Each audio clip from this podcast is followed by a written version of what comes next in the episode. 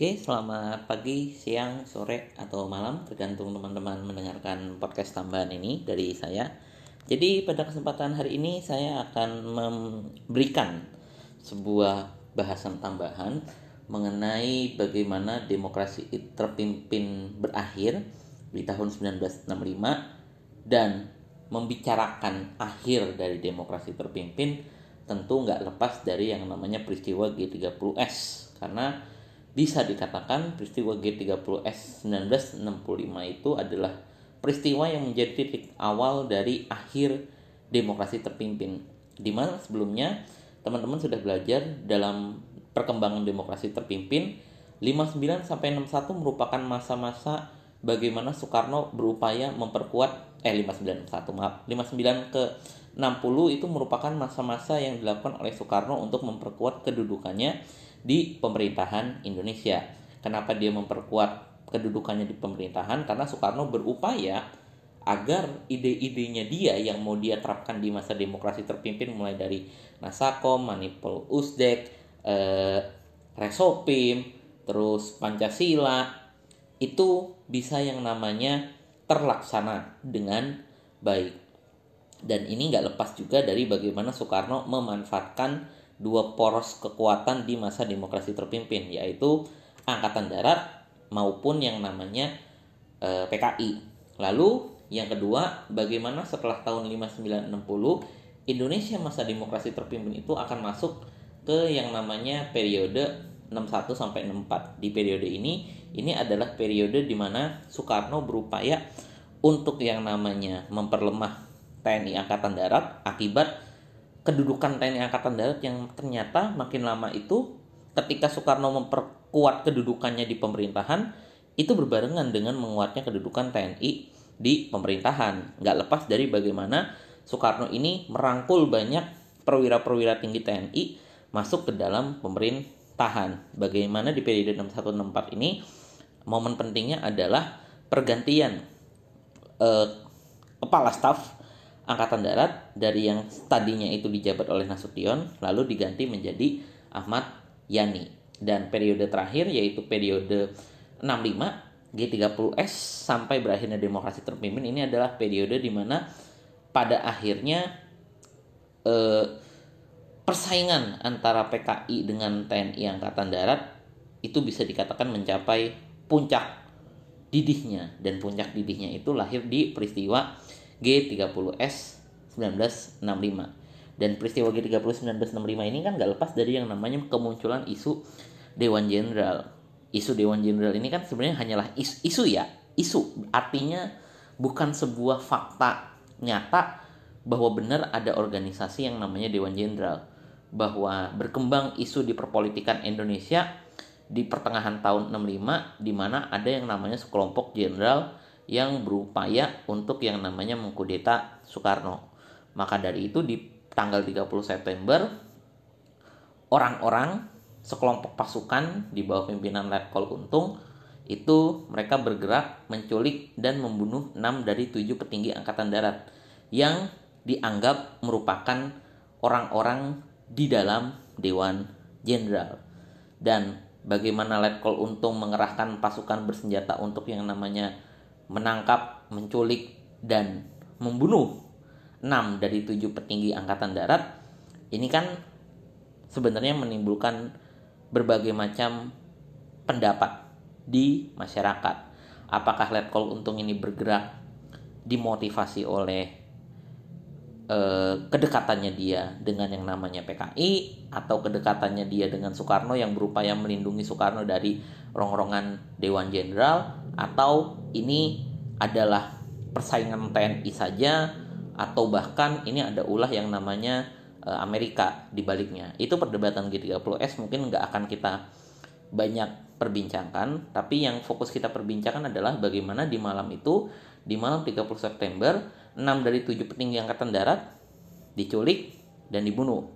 Nasution selamat dari yang namanya peristiwa itu meskipun dia harus cedera dan pasca penangkapan 6 dari 7 petinggi angkatan darat yang dilakukan oleh pasukannya di pasukan di bawah pimpinan uh, Letkol Untung, pasukan tersebut nantinya melakukan sebuah tindakan-tindakan yang agresif di mana mereka melakukan penguasaan terhadap lapangan Merdeka, Istana Presiden, Gedung RRI, dan Gedung Pusat Telekomunikasi yang ada di Jakarta. Di mana di 1 Oktober pagi, uh, Letkol Untung bersama pasukannya itu menyampaikan semacam siaran radio lewat RRI di mana mereka itu berhasil yang namanya mencegah sebuah kudeta yang sedang diupayakan oleh Dewan Jenderal kepada Soekarno.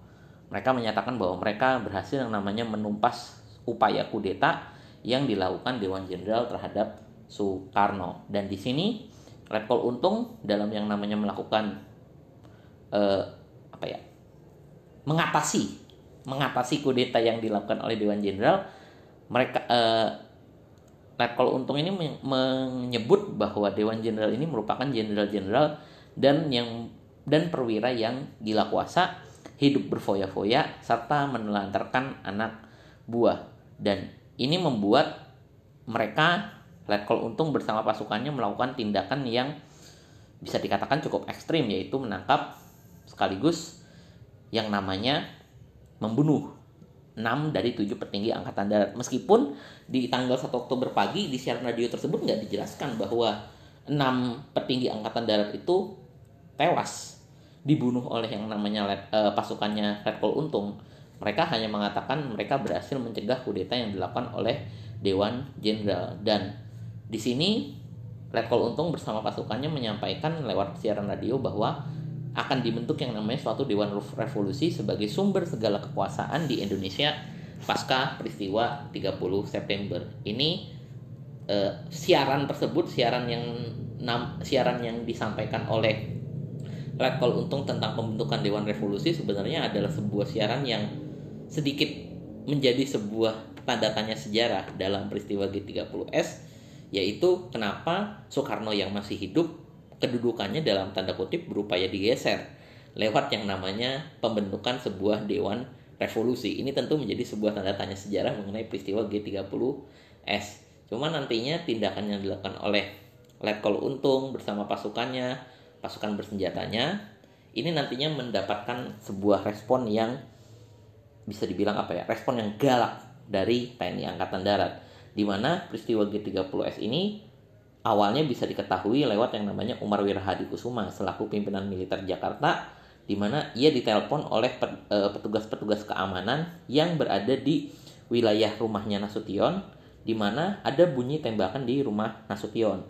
Umar ke situ dan melihat ternyata memang ada peristiwa tembak menembak di rumahnya Nasu Tion dan Umar segera yang namanya menginfokan kepada Soeharto bahwa ada sebuah tindakan penculikan yang dilakukan tidak hanya ke Nasution ternyata Umar mendapatkan info bahwa petinggi-petinggi angkatan darat yang lain juga tidak bisa dihubungi maka dari itu Umar menyampaikan kepada uh, Soeharto yang merupakan pada saat itu kedudukannya adalah uh, Pangkostrat untuk yang namanya mengambil alih tugas Ahmad Yani sembari mencari keberadaan jenderal-jenderal yang tidak tahu rimbanya ke mana.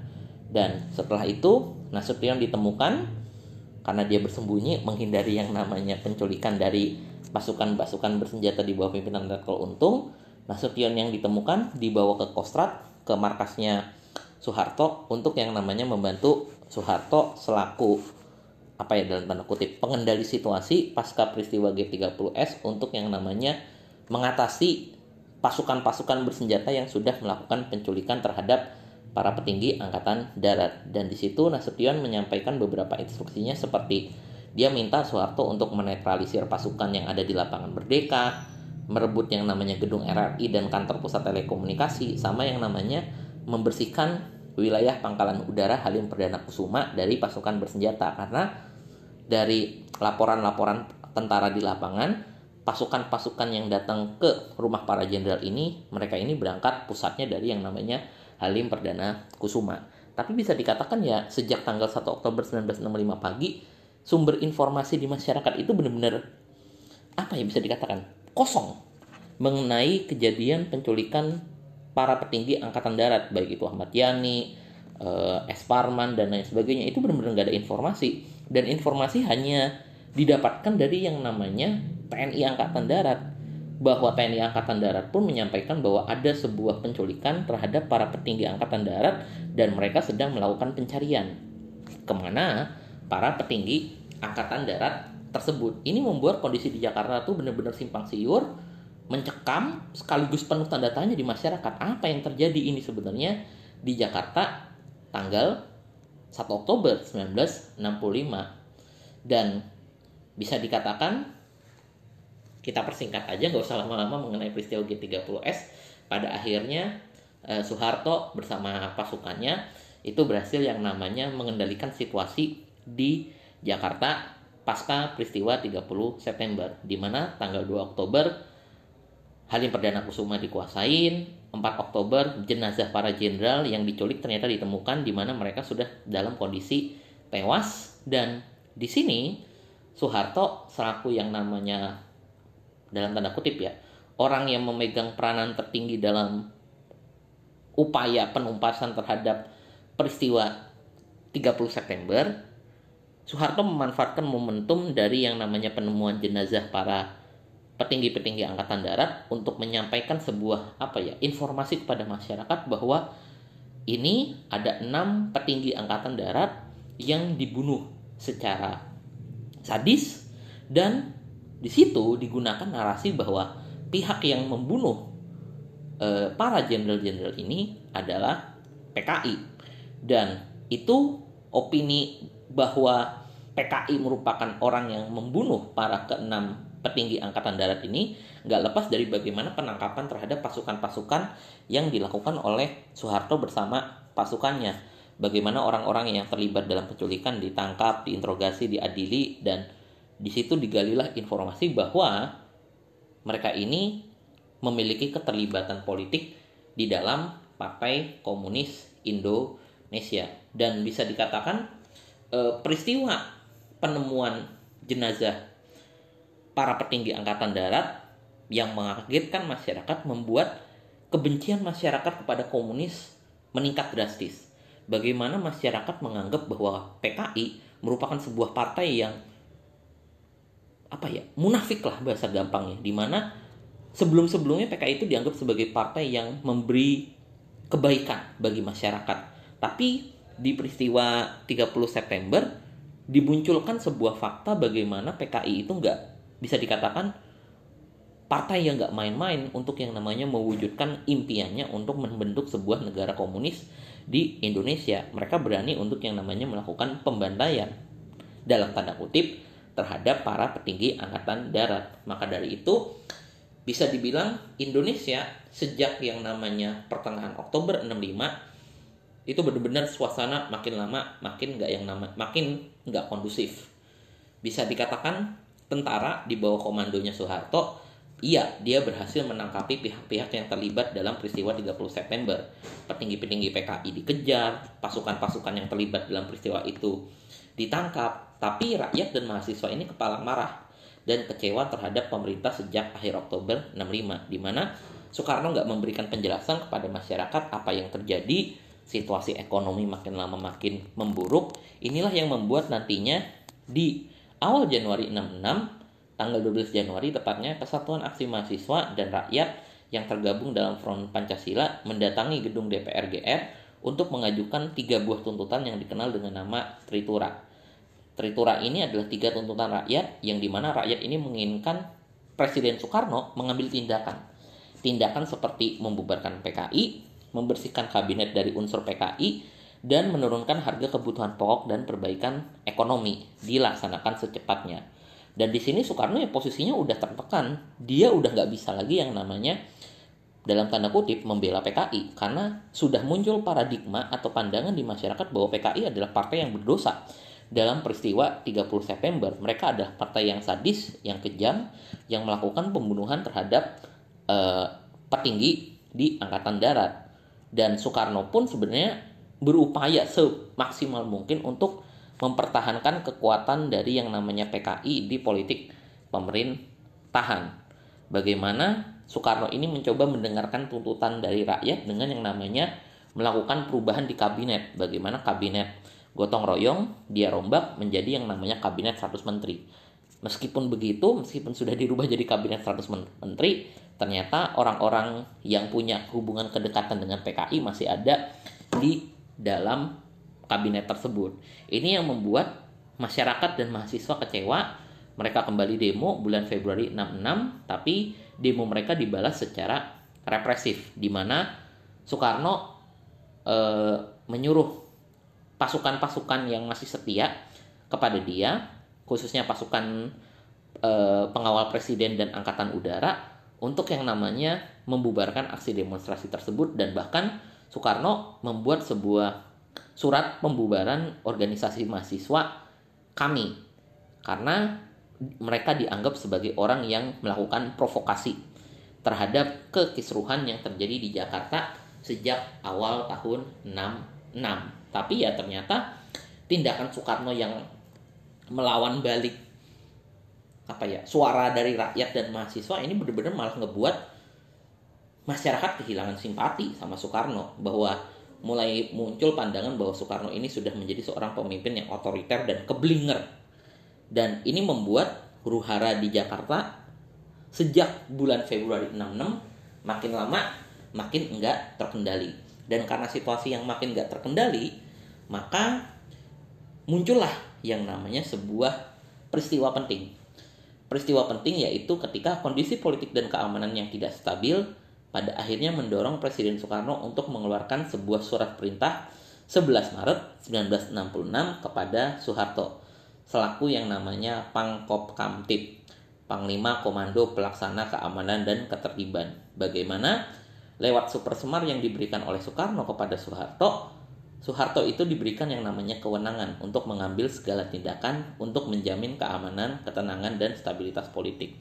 Tentu, peristiwa Super Semar ini menjadi sebuah peristiwa yang juga mengandung tanda tanya, mengandung misteri yang sama pentingnya dengan peristiwa 30 September karena bisa dikatakan kok bisa sih Soekarno kepikiran mengeluarkan sebuah surat perintah yang isinya itu memberikan dalam tanda kutip sebuah kuasa kepada Soeharto untuk yang namanya menjamin keamanan, ketenangan, dan stabilitas politik.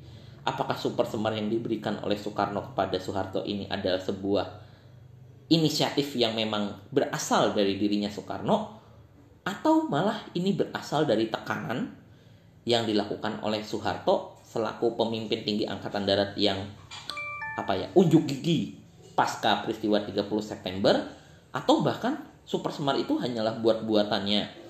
Soeharto tanpa yang namanya mendapatkan izin dari Soekarno. Dan itu menjadi masih menjadi misteri hingga hari ini karena ketika membicarakan Super Semar dokumennya itu dipertanyakan keasliannya. Tidak ada dokumen asli dari yang namanya Super Semar.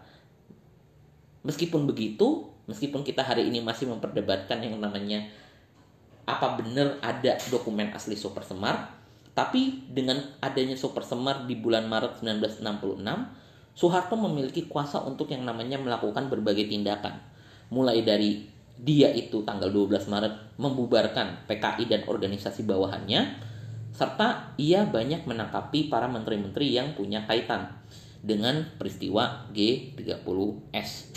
Orang-orang di pemerintahannya demokrasi terpimpin itu banyak yang ditangkapi oleh Angkatan Darat dengan tuduhan mereka memiliki kedekatan politik dengan yang namanya PKI. Dan ini membuat nantinya di 18 Maret 1966 Nasution sebagai orang yang selamat dari peristiwa 30 September akan diangkat sebagai ketua MPRS menggantikan Khairul Saleh yang dituduh memiliki kedekatan dengan yang namanya eh, Partai Komunis Indonesia dan lewat Super Semar ini bisa dibilang orang-orang PKI di dalam pemerintahan dibersihkan dan orang-orang di pemerintahan sekarang diisi oleh yang namanya pihak-pihak dari TNI Angkatan Darat. Bagaimana Pangkom Kamtip dipegang Soeharto, Ketua MPRS dipegang Nasution, dan ini membuat Soekarno terdesak karena dia harus menghadapi dua tokoh besar Angkatan Darat. Dia harus khususnya terhadap Nasution ya karena Nasution yang menjadi ketua MPRS ini nantinya akan memunculkan sebuah uh, upaya untuk yang namanya Soekarno menyampaikan sebuah pertanggungjawabannya mengenai peristiwa 30 September 65 karena Nasution butuh penjelasan. Dia adalah korban dari peristiwa 30 September dan dia butuh penjelasan dari presiden mengapa bisa terjadi peristiwa 30 September 1965 dan di samping itu yang harus teman-teman pahami di, di samping Super Semar berhasil menciptakan yang namanya dalam tanda kutip ya pembasmian PKI dari kedudukan politik lewat Super Semar juga Indonesia nantinya akan mengalami periode kekerasan budaya. Kekerasan budaya di masyarakat di mana orang-orang yang punya hubungan darah dengan orang dengan orang-orang PKI nantinya bakal yang namanya ditangkapi oleh pemerintah. Mereka dijadikan sebagai yang namanya tahanan politik, kesenian dan kebudayaan yang identik dengan yang namanya Partai Komunis Indonesia dilarang. Bagaimana buku-buku yang namanya berbau ajaran-ajaran Marxisme dan Leninisme juga dilarang di masyarakat. Pokoknya terjadi sebuah kekerasan budaya di masyarakat dalam periode yang cukup panjang dari 65 sampai 80-an hingga nanti dimasuk di periode Orde Baru. Tapi ya lewat Super Semar inilah nantinya bisa dibilang estafet kepemimpinan Indonesia secara perlahan sebenarnya sedang bergeser, teman-teman. Kenapa sedang bergeser? Karena bisa dikatakan Soeharto ini punya bargaining power dalam yang namanya apa ya? Dalam yang namanya mengambil sebuah tindakan karena lewat super semar itu dia memang diberikan kewenangan untuk yang namanya mengambil tindakan untuk menjamin keamanan, ketenangan dan stabilitas politik. Nah, bagaimana super semar nantinya akan menjadi jalan bagi Soeharto untuk yang namanya naik ke, puncak kekuasaan itu akan dimulai ketika Nasution selaku ketua MPRS meminta Soekarno untuk yang namanya menyampaikan pidato pertanggungjawabannya mengenai peristiwa G30 September.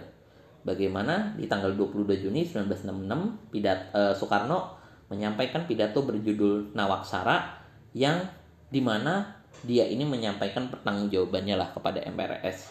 Cuman sayangnya pidato tersebut eh, ditolak sama MPRS karena Soekarno ini nggak memberikan alasan yang jelas kok bisa sih terjadi yang namanya sebuah penculikan kepada petinggi angkatan darat yang dilakukan oleh Letkol Untung yang merupakan pemimpin dari pasukan Cakrabirawa yang merupakan uh, pas pampres bagi Presiden Soekarno. Kok bisa? Di situ Soekarno nggak menjelaskan.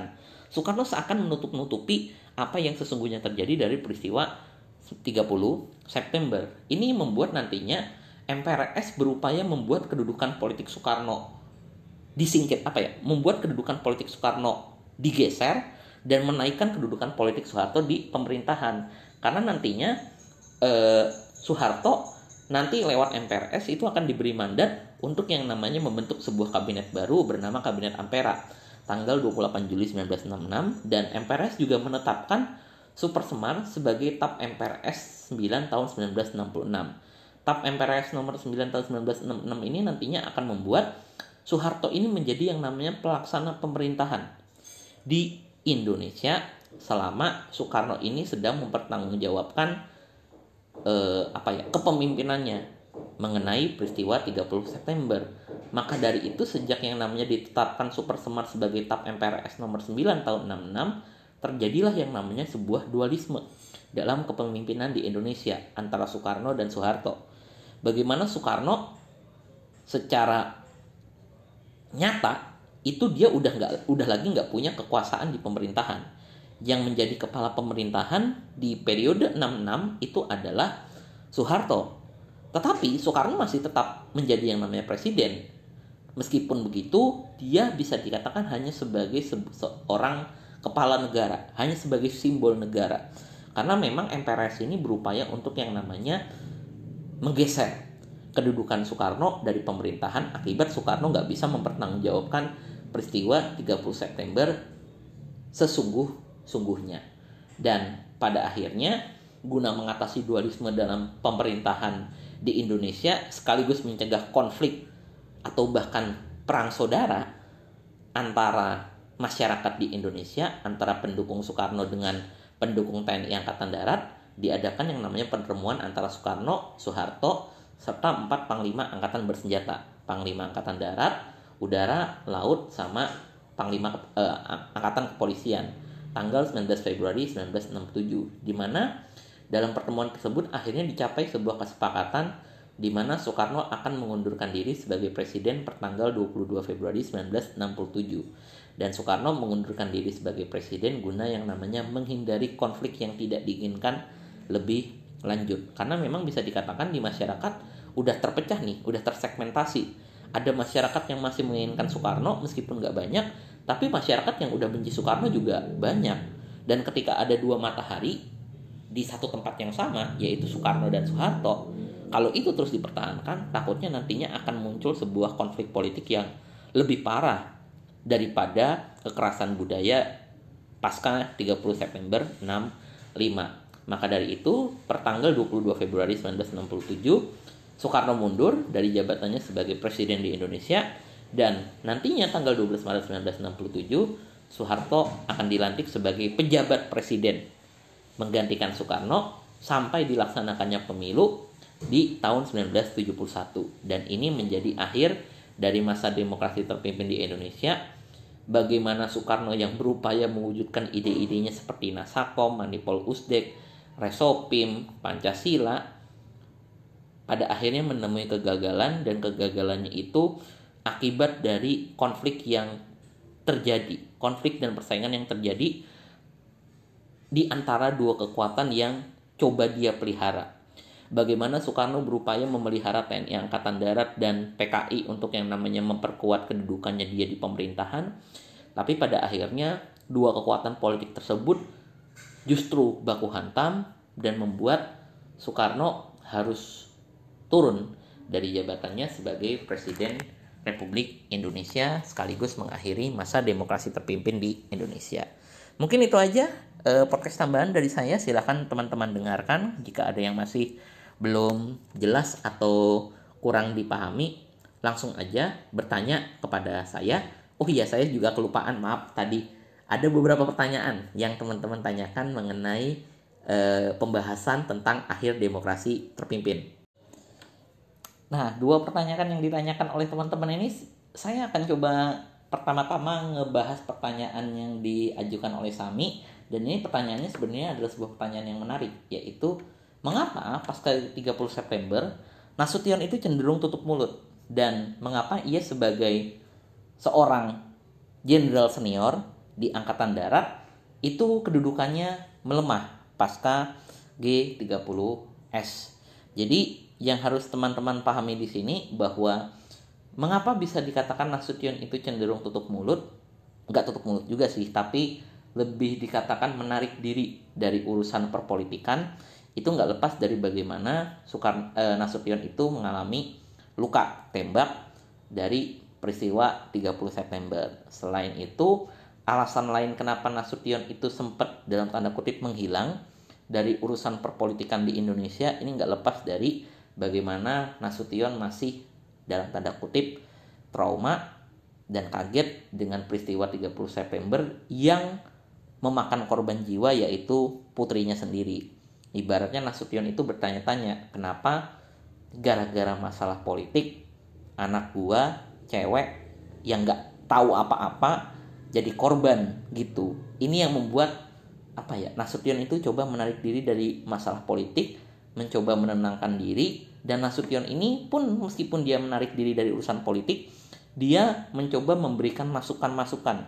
kepada yang namanya angkatan darat untuk bagaimana menghadapi situasi pasca yang namanya peristiwa 30 September. Bagaimana teman-teman harus sadar bahwa dalam pembasmian eh, pasukan-pasukan yang terlibat dalam 30 September itu nggak lepas dari yang namanya perannya Nasution yang mengatur strategi bagaimana untuk yang namanya mengatasi eh, apa ya perlawanan dari pasukan-pasukan yang terlibat dalam 30 September. Selain itu Nasution juga apa ya memberikan masukan kepada para petinggi angkatan darat untuk bagaimana bersikap khususnya dalam hal berpolitik ya. Di periode-periode pasca peristiwa 30 September bagaimana Nasution ini meminta kepada angkatan darat untuk yang namanya jangan sampai salah bertindak. Karena di sini momentumnya itu justru dipegang oleh angkatan darat bahwa manfaatkan momentum peristiwa 30 September untuk yang namanya bisa memperkuat kedudukan angkatan darat di perpolitikan Indonesia. Dan kenapa nantinya pada akhirnya apa ya kedudukan militernya Nasution ini akan dibalap oleh Soeharto ini nggak lepas dari bagaimana meskipun meskipun ya Nasution ini adalah orang yang pasca peristiwa 30 September itu dikagumi oleh banyak petinggi-petinggi angkatan darat karena ia masih terus mau berjuang menghadapi uh, upaya yang dilakukan oleh PKI untuk menggoyah angkatan darat tetapi Nasution ini dianggap sebagai tokoh yang apa ya dalam hal citranya di masyarakat ini sudah punya citra yang kurang terlalu baik lah karena apa? Karena bisa dikatakan Nasution ini dalam tanda kutip ya dimusuhi banget sama masyarakat yang pro dengan Soekarno. Karena yang harus teman-teman pahami pasca peristiwa 65 ini masyarakat udah tersegmentasi. Ada yang udah pro ada yang tetap pro sama Soekarno pasca peristiwa 65 tapi ada juga yang melawan Soekarno pasca peristiwa 65 ketika misalkan Nasution memajukan dirinya sebagai tokoh tertinggi di angkatan darat untuk yang namanya menjadi pengganti dari Soekarno di pemerintahan gesekan antara kubu pro Soekarno dan kontra Soekarno akan tinggi karena memang akan ada muncul narasi bahwa sebenarnya bisa ini adalah sebuah kenyataan bagaimana akan muncul narasi di masyarakat bahwa Nasution ini adalah orang yang dalam tanda kutip membuat terjadinya peristiwa 30 September. Bagaimana Nasution ini bisa selamat tentu menimbulkan tanda tanya di kalangan masyarakat yang pro kepada Soekarno. Muncul asumsi-asumsi bahwa wah Nasution ini dia adalah orang yang merencanakan 30 September. Dia berupaya menarik simpati publik kepada dirinya supaya dia bisa menggantikan Soekarno sebagai presiden di Indonesia. Nah, karena muncul isu-isu seperti itu, ya Nasution bisa dibilang gak mau yang namanya terjadi sebuah konflik yang bisa saja mencoreng nama Angkatan Darat. Maka dari itu bisa dikatakan Nasution ini perannya pasca peristiwa 65 lebih ke orang-orang yang di balik layar, orang-orang yang mensupport. Maka dari itu kan ketika pasca terbit Super Semar, Nasution yang tadinya mundur dari dunia politik di Indonesia tiba-tiba masuk lagi ke dunia politik dengan menduduki jabatan sebagai ketua MPRS dan ketua MPRS itu adalah kedudukan yang sifatnya sangat suportif banget karena dengan Nasution menduduki jabatan sebagai ketua MPRS dia bisa menetapkan Super Semar sebagai TAP MPRS nomor 9 tahun 66 yang membuat Soeharto ini diberikan kekuasaan di pemerintahan bahwa kalau nggak ada yang namanya Nasution sebagai ketua MPRS bisa dikatakan Soeharto ini nggak bisa yang namanya punya kuasa di pemerintahan. Dan teman-teman juga harus ingat bagaimana Nasution yang menjadi ketua MPRS ini kan dia menjadi tokoh yang berperan penting dalam menekan Soekarno untuk yang namanya menyampaikan pidato pertanggungjawabannya mengenai peristiwa 30 September. Itu mengenai yang namanya bagaimana Nasution ini cenderung kurang aktif pasca peristiwa 65. Dan ketika pertanyaan kedua itu dari Nazwa mengenai dampak dari mundurnya Indonesia dari PBB ya dampak terbesarnya mundurnya Indonesia dari PBB adalah bagaimana Indonesia ini dikucilkan dari yang namanya politik luar negeri internasional bagaimana masalah-masalah dalam negeri di Indonesia ini nggak dipedulikan lah sama yang namanya negara-negara lain dan membuat apa ya Indonesia menjadi sebuah negara yang tertutup pasca keluar dari PBB karena bisa dikatakan apa ya eh, permasalahan politik luar negeri pasca Indonesia mundur dari PBB itu nggak akan berkembang pesat banget sih di masalah suka di masa akhir demokrasi terpimpin. Karena memang itu bakal tertutup dengan bagaimana dinamika politik dalam negeri yang terjadi pasca peristiwa 30 September 65. Itu aja mungkin dari saya mengenai podcast tambahan ini tentang akhir demokrasi terpimpin. Kurang lebihnya mohon maaf. Jika ada yang mau ditanyakan lagi, silahkan bisa via WA. Makasih. Assalamualaikum warahmatullahi wabarakatuh. Selamat pagi, siang, sore, dan malam.